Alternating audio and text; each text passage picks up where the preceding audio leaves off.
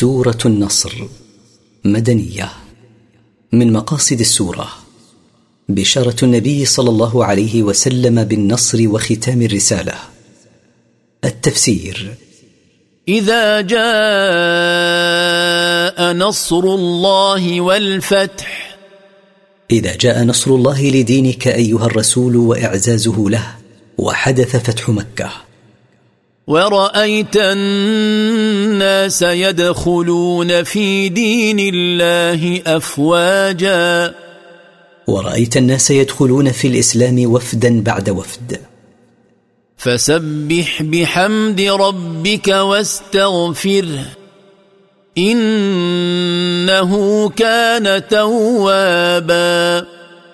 فاعلم أن ذلك علامة على قرب انتهاء المهمة التي بعثت بها.